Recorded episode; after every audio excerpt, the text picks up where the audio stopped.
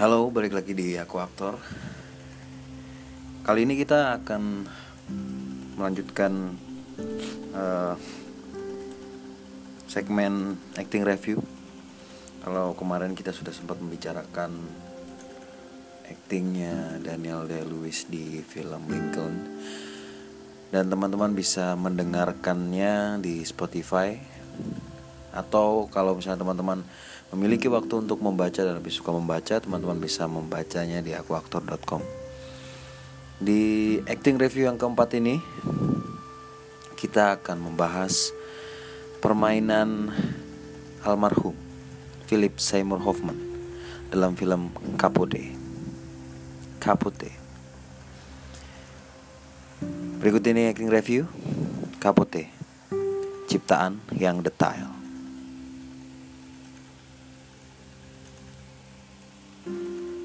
Oke, okay, uh, eh, kalau bicara soal acting di film biopik ya, maka nggak lengkap rasanya kalau kalau kita nggak nggak memasukkan film Capote ke dalam salah satu daftar acting terbaik dalam film biopik sepanjang masa.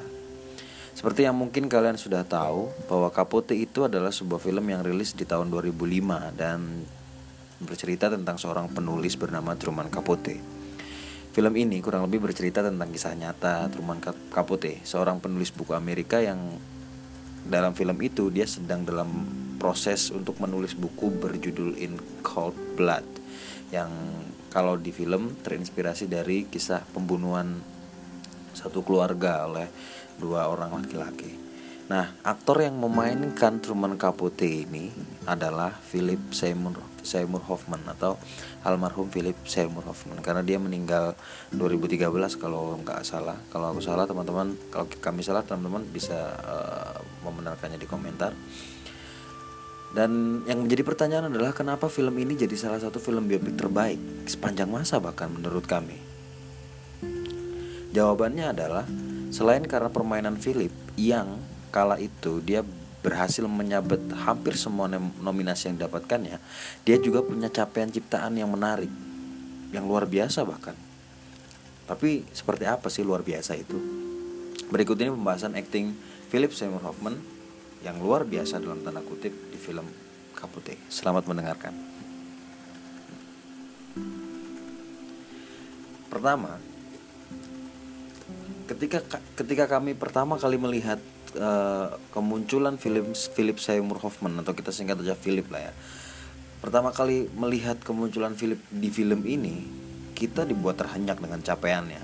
Di pandangan pertama saja, kita sudah bisa menangkap ciptaan yang sangat baik dari Philip. Kita bedah satu persatu ya. Pertama adalah dari kenampakan fisiknya. Kapote ciptaan Philip itu terlihat jauh berbeda dari Philip di kehidupan nyata. Jadi kalau misalnya kalian melihat kapote yang asli, maka kalian akan berpikir bahwa secara fisik kenampakan kapote ciptaan Philip tidak sangat mirip dengan yang asli. Jadi kalau kalau kalian membandingkannya dengan dengan dengan uh, kapote yang asli memang tidak sangat mirip. Atau bahkan mungkin bagi kalian yang sudah menonton Infamous, cerita yang sama tentang Truman Capote yang rilis di tahun yang hampir sama, Kalian mungkin akan menganggap bahwa Toby Jones yang bermain sebagai Capote di film itu terlihat lebih mirip secara fisik uh, daripada Phillips, daripada capaian Phillips Seymour Hoffman. Iya, secara kenampakan fisik memang benar, tapi ada hal lain yang justru menarik dan dan perlu kalian lihat pada permainan Philip yang yang tidak dimiliki Toby Jones. Nah, kalian bisa melihat itu di ciptaan gestur Philip. Itu yang kami perhatikan selain soal kenampakan fisik. Selain soal capaian fisiknya, uh, uh, wajahnya, bentuk tubuhnya. Di kemunculan awal, cara Philip memainkan bagian wajah, torso, tangan, mata, dahi, hidung, mulut sampai bagian yang paling detail dan kecil yaitu bagian bibir bag, uh, bibir bagian atas di bawah hidung di tempatnya uh, kumis tumbuh itu itu sangat sempurna meski secara fisik Toby Jones lebih mirip daripada uh, lebih lebih lebih mendekati Capote tapi ciptaan gestur Philip justru yang membuatnya jadi sangat dekat dengan tokoh aslinya. Ini baru pada tataran kenampakan fisik dan ciptaan gestur ya. Dan ingat ini masih dalam kondisi diam di adegan pertama. Tidak ada tidak ada banyak dialog atau bahkan tidak ada dialog sama sekali. Diem tapi justru di kediaman itu kita bisa melihat permainan gestur yang menarik oke lalu pada bagian selanjutnya kita lagi-lagi dikejutkan dengan suara yang diciptakan oleh Philip. Kenapa suara selalu menjadi bagian yang kami perhatikan? Karena suara itu satu hal yang sebenarnya uh, kita bisa bilang capaian yang di satu sisi sangat terlihat atau mudah dicari, mudah di mud, mudah didapatkan, sorry bukan, mudah dicari lah, mungkin bahasa tepat ya, mudah dicari. Tapi banyak aktor yang tidak mampu mendapatkan suara tokohnya. Apalagi aktor biopik. Itu yang itu yang sangat menjadi persoalan ketika kita bicara soal acting biopik. Tapi apa yang dimainkan oleh Philips di Capote kita bisa melihat penciptaan yang sangat baik. Warna suara tokoh ciptaan Philips Philips itu sangat berbeda dengan warna suaranya yang asli. Kalau kalian uh, gini, Philip Seymour Hoffman ketika dia menciptakan Capote, warna suara Capote ciptaan Philip Seymour Hoffman itu berbeda dengan Philip Seymour Hoffman di kehidupan nyata. Kalau kalian dengarkan dengan baik dan membandingkannya, maka kalian akan mendengarkan kemiripan suara kapote yang asli dengan kapote ciptaan Philip. Bukan cuma warna suaranya aja, tapi juga caranya berujar, caranya bicara, caranya memenggal kata, aksen yang diucapkan, bentuk mulutnya, bahkan sampai pada tataran bentuk mulutnya ketika mengucapkan kata atau huruf-huruf tertentu kalian akan dengar dan lihat dan kalian akan bisa merasakan kemiripannya dengan tokoh asli. Capaian suara eh, capaian ciptaan suara Philip Seymour Hoffman di toko Capote itu sangat mendekati Capote yang asli. Dalam sudut pandang suara aja dia sangat lengkap. Bukan cuma persoalan warna. Cara bicara seperti yang kita bilang tadi, bentuk mulut. Bentuk mulut ketika mengucapkan konsonan tertentu mirip. Mirip Bahkan kita bisa bilang sama. Selain itu coba ya, ketika teman-teman mendengarkan suara kaput ciptaan Philips, lalu pejamkan coba mata kalian. Teman-teman bisa mencari videonya di YouTube atau teman-teman bisa membuka akuaktor.com dan e, membaca artikelnya. Di situ akan ada videonya. Terus coba pejamkan mata teman-teman ketika mendengarkan kapute yang asli berdialog. Atau Sebelum itu, pejamkan mata kalian dulu dan gambarkan tokoh itu dalam pikiran kalian. Ketika kalian mendengarkan ciptaan Philip, maka dengan suara yang sudah diciptakan Philip, maka kalian seolah-olah dibawa pada bentuk tokoh yang ketika kalian membuka mata, iya, bentuk tokohnya seperti apa yang diciptakan Philips.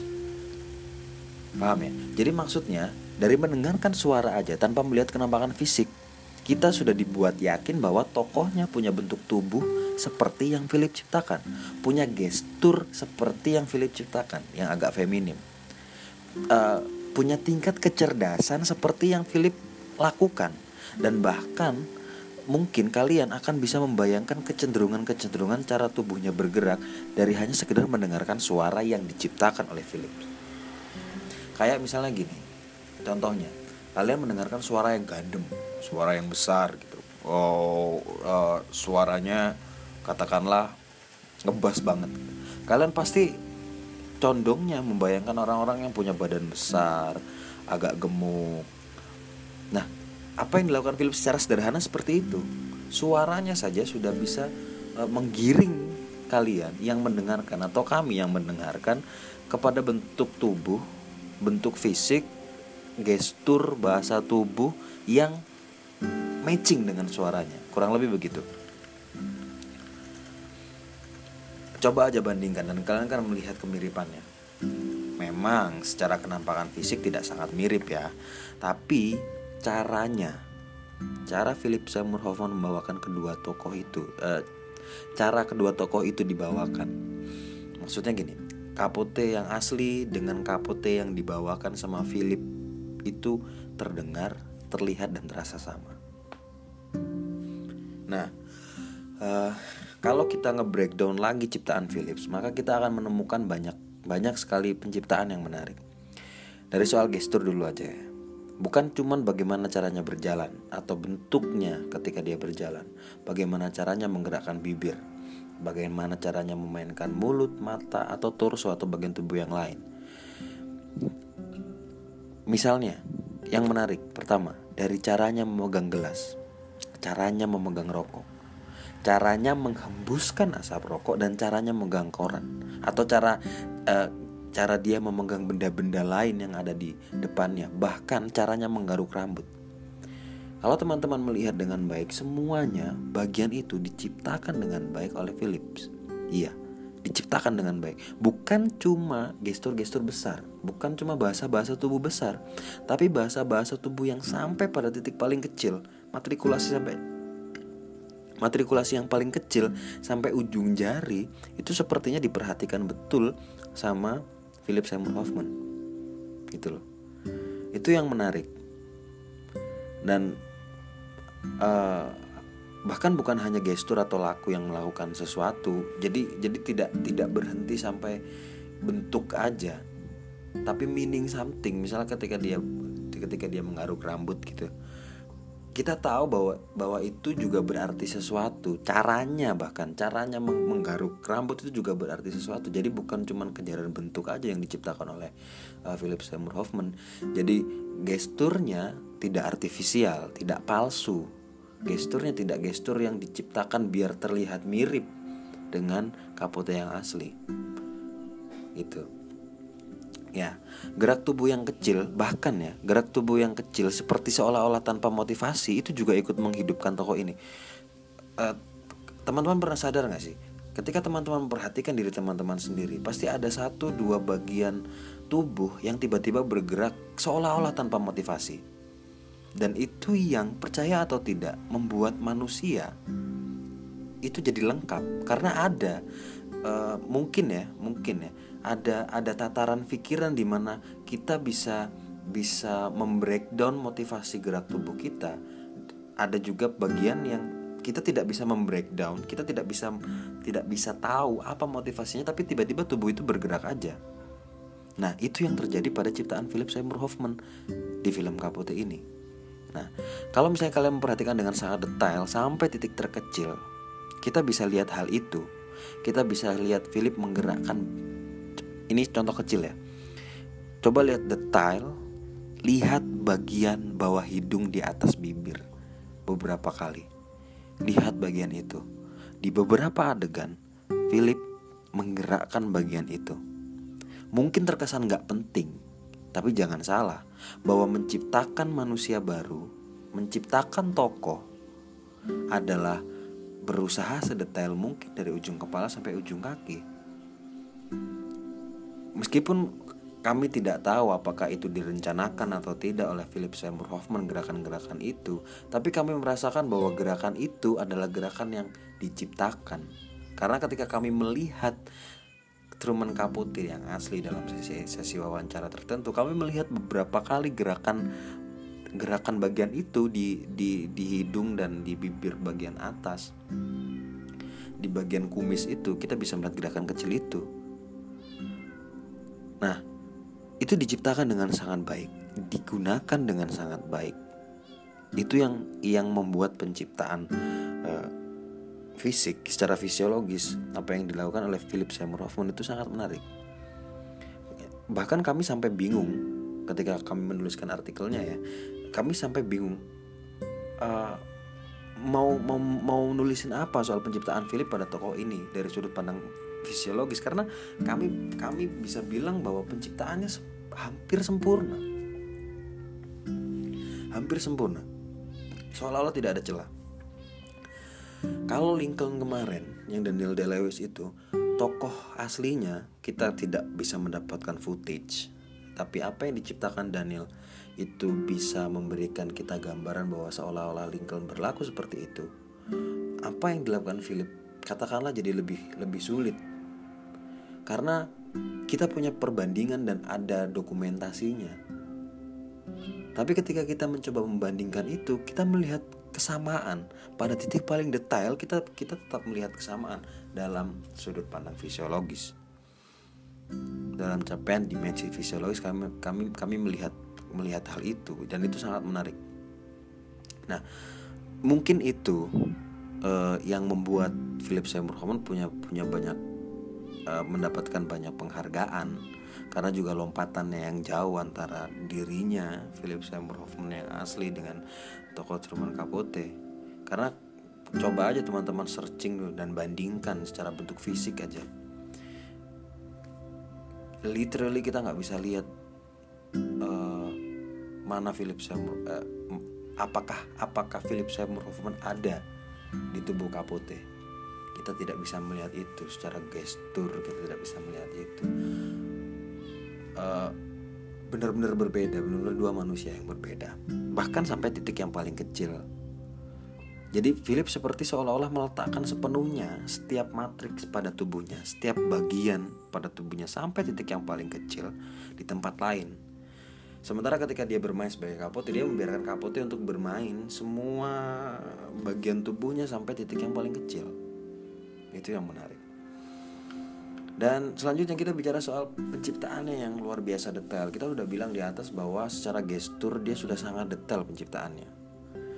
Uh, secara fisik detail bahasa tubuh semuanya detail detail uh, dari dari gestur yang sangat besar gestur yang besar sampai gestur yang terkecil itu diciptakan dengan sangat baik detail dan jadi penciptaannya kami mungkin bisa bilang bahwa tidak banyak aktor atau mungkin bahkan satu persen dari sekian ratus ribu aktor di, dunia ini yang memperhatikan hal tersebut dan menciptakannya. Bukan cuma sekedar menciptakannya dan menyadarinya. Bukan cuma sekedar mencari tiba-tiba muncul aku pakai tapi menyadari juga bahwa ciptaan itu muncul. Nah sekarang kita coba untuk membahas uh, soal uh, bagaimana tokoh ciptaan Philips ini menjalankan pikirannya dan bagaimana efeknya pada gestur yang dengan sangat detail sudah dia ciptakan tadi. Pertama soal bagaimana Philip menciptakan bagian mata. Kita bicara soal bagian bagian atas dulu ya. Bagian mata dan bagaimana cara ia memainkannya. Di bagian mata kami bisa melihat ciptaan yang mewujud. Cara matanya memandang di setiap adegan di film ini berbeda. Artinya, tergantung pada peristiwa apa tokoh itu berada. Misalnya, kalian bisa lihat ketika adegan polisi mengumumkan tentang kasus pembunuhan dan kepala polisi keluar dari ruangan. Di adegan itu, cara Philip membangun dan menjalankan emosi menarik. Kita lihat bentuk matanya, caranya menggerakkan leher, caranya memandang, caranya mengeluarkan ekspresi, bentuk wajah, e, membuat membuat pandangan pandangan matanya itu kerasa dan terlihat seperti memiliki cara lain yang untuk menunjukkan perasaan yang sedang terjadi di pikirannya. Jadi semacam e, memposisikan mata sebagai jembatan perasaan dan pikiran yang terjadi dalam tubuh tokoh. Bahkan bukan cuma adegan ketika adegan-adegan penting aja ya. Pada adegan-adegan biasa pun kita masih bisa melihat mata yang diciptakan dan mata yang hidup dari uh, apa yang sudah Philip lakukan. Selain itu, cara tokoh ini menjalankan emosi juga diciptakan dengan baik oleh Philip. Caranya menjalankan emosi terasa berbeda dan menarik. Salah satu contohnya misalnya kamu bisa lihat di adegan ketika Kapute melihat ke arah peti mati yang korban-korban pembunuhan sadis itu, lalu dia membuka salah satu peti mati dan melihat uh, ke arah peti mati itu dan kemudian dia melihat jasadnya. Kita bisa melihat bagaimana cara Philip menjalankan emosinya. Ia terasa dan terlihat menjalankan emosinya dengan asli, genuine, otentik seperti cara tokohnya. Seolah-olah nggak ada tendensi apa pun ketika dia melakukan itu atau keinginan apa pun untuk ikut menunjukkan emosi pribadinya sebagai seorang aktor atau kelihayannya sebagai seorang aktor memainkan emosi. Itu yang harus digarisbawahi setiap aktor ya, menurut kami. Ketika dia memainkan tokoh, maka aktor seharusnya meletakkan dirinya jauh-jauh, tidak berusaha untuk uh, pamer pamer skill. Tidak berusaha untuk melakukan itu karena aktor itu bukan pemain sirkus yang memang kerjaannya pamer skill.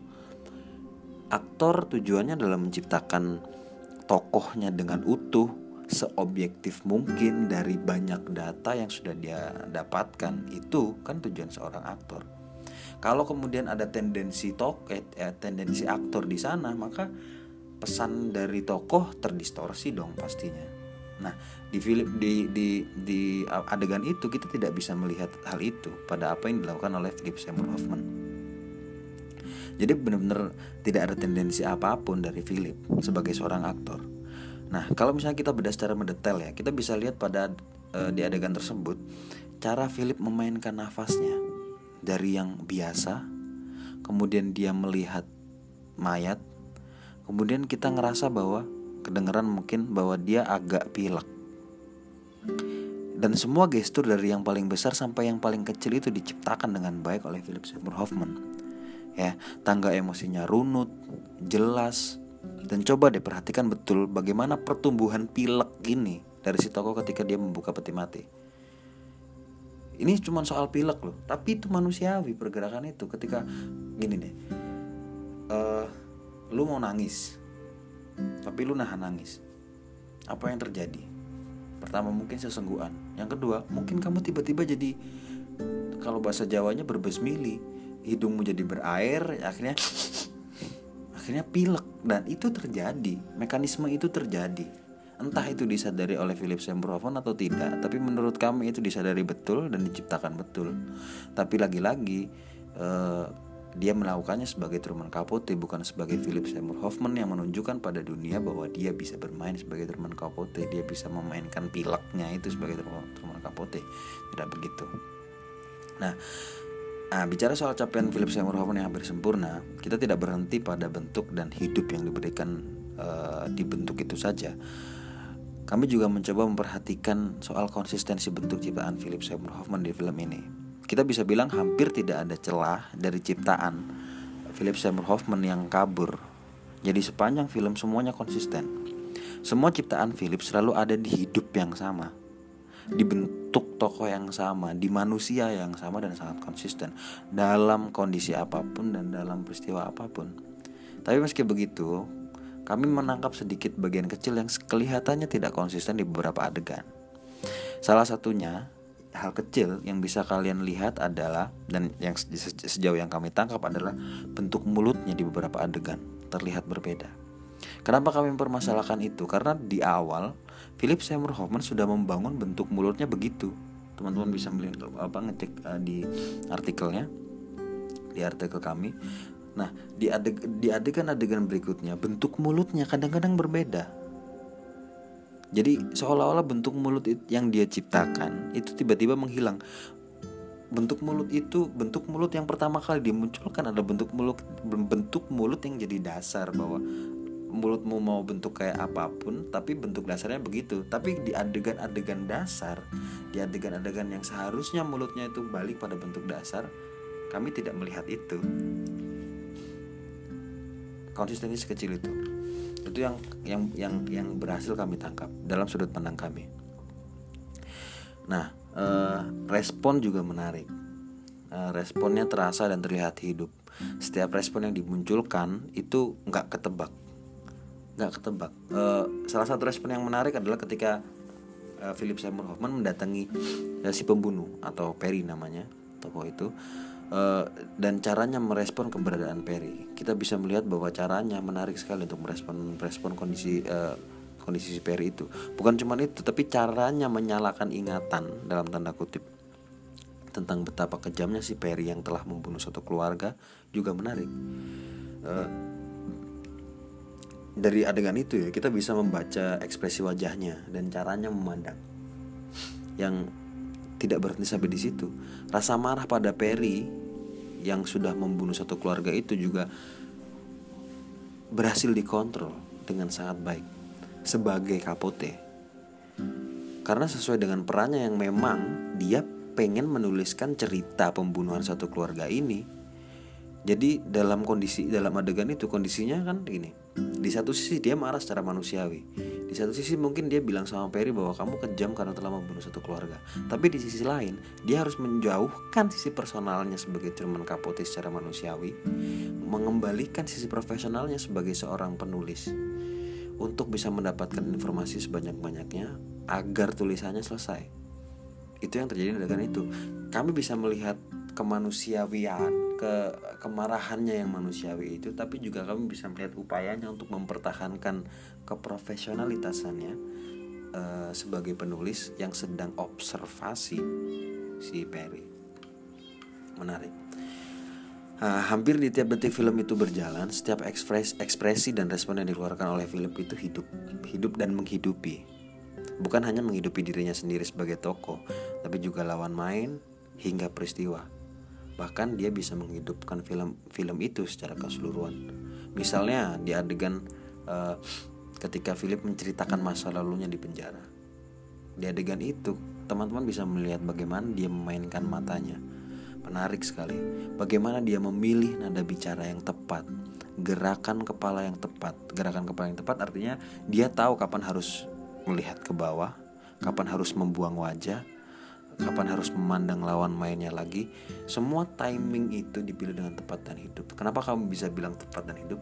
Kami uh, me mensinkronkan mensinkronkannya dengan dialog yang sedang diucapkan oleh Philip Seymour Hoffman dan dia sinkron pas timingnya tepat kapan harus nunduk kapan harus noleh ke kanan kapan harus balik melihat Perry lagi dan lagi-lagi semua gestur yang dia keluarkan sejalan dengan peristiwa pikiran dan emosi si tokoh Selain itu kamu juga bisa memperhatikan salah satu adegan ketika Kapute mendengar kabar kalau banding Perry di pengadilan ditolak dan bahwa Perry akan segera dihukum mati. Ekspresi yang dilahirkan oleh Philip menarik banget. Kami bisa melihat bahwa ia seolah-olah tidak berekspresi, seolah-olah datar aja, datar aja mukanya. Tapi nggak tahu kenapa kami seolah-olah diajak membaca pikirannya, diajak untuk berpikir apa yang apa yang apa yang Kapote rasakan. Uh, mungkin juga karena peristiwa-peristiwa yang terjadi sebelum adegan itu ya tapi ketika Philip kemudian melakukan uh, kita lihat dia di di di adegan itu semua gesturnya semua bahasa tubuhnya gerakan matanya uh, ekspresi wajahnya yang kecil itu seolah-olah membawa kami untuk berpikir bahwa dia punya dia sedang merasakan sesuatu tapi di satu sisi dia sedang berusaha menutupi hal itu.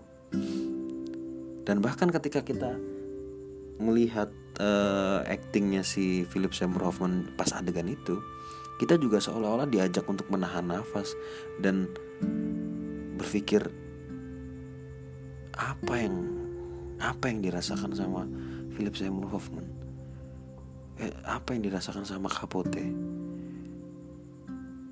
kekuatan itu yang muncul waktu adegan adegan apa uh, dia dia mengetahui bahwa Perry akhirnya akan dihukum mati. Oke, okay. dari tadi kita udah bicara soal kelebihannya banyak kelebihan dan cuma satu kekurangan yang dimiliki di permainan Philip Seymour Hoffman. Lalu pertanyaannya apakah benar bahwa permainannya sesempurna itu? Jawabannya iya, permainannya sempurna, permainannya sempurna. Karena memang begitulah penciptaan Philip Seymour Hoffman sepanjang apa yang sudah kami baca. Mungkin satu-satunya membuat tokoh ini seolah-olah tidak punya kesempatan untuk pamer emosi adalah karena memang tidak ada atau tidak banyak adegan dengan emosi-emosi besar. Maksudnya emosi besar tuh kayak adegan marah yang sangat besar atau sedih yang sangat sedih gitu. Itu hampir tidak ada gitu.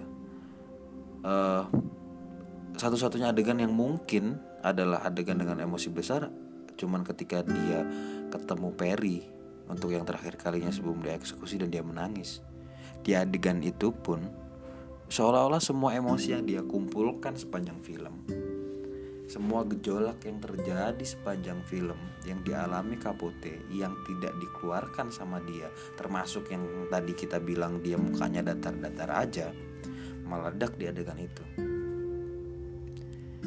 Menarik sekali.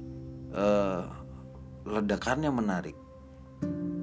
E, kesan bahwa tokoh Kapote adalah tokoh adalah lelaki yang feminim juga berhasil ditunjukkan dari caranya mengendalikan emosi dan meledakkan emosi ketika adegan ketemu Perry terakhir kali. Itu. Itu menarik. E, kita di adegan itu di satu sisi kita disuguhi Kapote yang feminim tapi di sisi lain kita juga disuguhi Truman Capote lelaki yang kuat yang tidak mudah meneteskan air mata. But finally dia netes air matanya. Itu menarik sekali permainan bagian itu sebenarnya kami tidak sangat heran kalau capaian Philip Seymour Hoffman akan sebagus itu karena ternyata dalam proses pencariannya dia total banget dari data yang berhasil kami himpun ya uh, Philip itu tidak pernah keluar dari tokonya selama proses syuting film. Dia menggunakan metode acting pas main Capote. Metode acting ya yang menurut beberapa aktor yang lain adalah metode yang menjebalkan atau oh misalnya uh, Anthony Hopkins saja bilang bahwa metode acting itu eh, aktor-aktor yang bekerja dengan metode acting itu aktor-aktor yang menyebalkan yang yang nggak bisa diajak kerja sama seolah-olah kurang lebih begitu yang diucapkan oleh Anthony Hopkins. Tapi pada kenyataannya apa yang dilakukan oleh Capote, eh apa yang dilakukan oleh Philip Seymour Hoffman di film Capote dengan tetap berada dalam tokohnya selama proses di film memberikan capaian yang menarik. Jadi maka eh, ketika kita lihat betapa konsistennya permainannya, ya normal. Betapa hidupnya, ya normal. Karena ya sepanjang film dia nggak pernah keluar. Bagaimana mungkin dia jadi nggak konsisten? Sepanjang film dia nggak keluar kok. Dia tetap ada di tokoh itu. It, itu yang it, itu yang uh, menarik.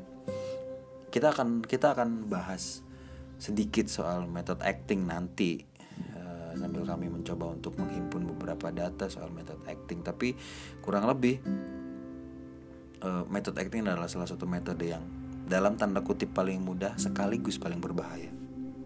Nah, oke lanjut ya. Jadi secara garis besar permainan Philip Seymour Hoffman di film ini menarik banget. Capaiannya lengkap, detail, konsisten dan mostly dan hampir sempurna. Di tiga dimensi keaktorannya, Philip berhasil menciptakannya dengan utuh fisiologis, psikologis sampai sosiologis. Gak ada celah, seolah-olah gak ada celah untuk mengatakan bahwa permainan Philip di film ini buruk. Gak ada.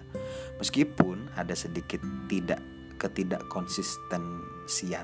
dalam permainannya, tapi itu tidak mempengaruhi capaian besarnya di film ini sama sekali.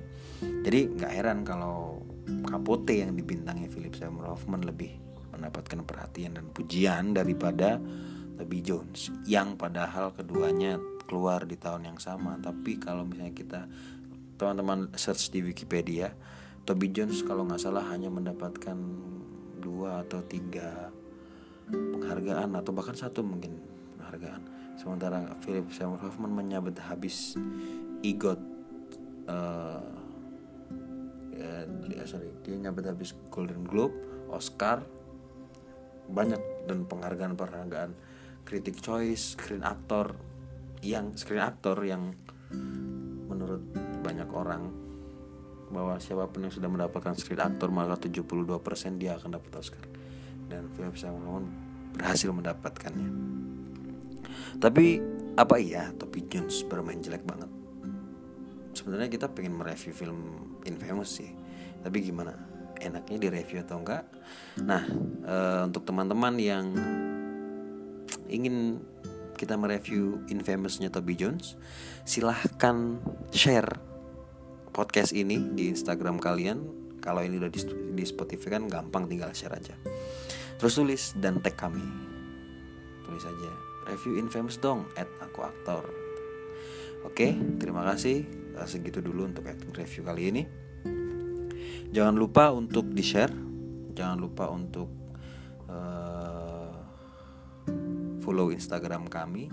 Jangan lupa juga untuk like fanpage kami karena follow kalian, share kalian dan like kalian adalah dukungan yang sangat berarti untuk perkembangan aku aktor ke depan. Terima kasih, semoga bermanfaat. Viva Aktor.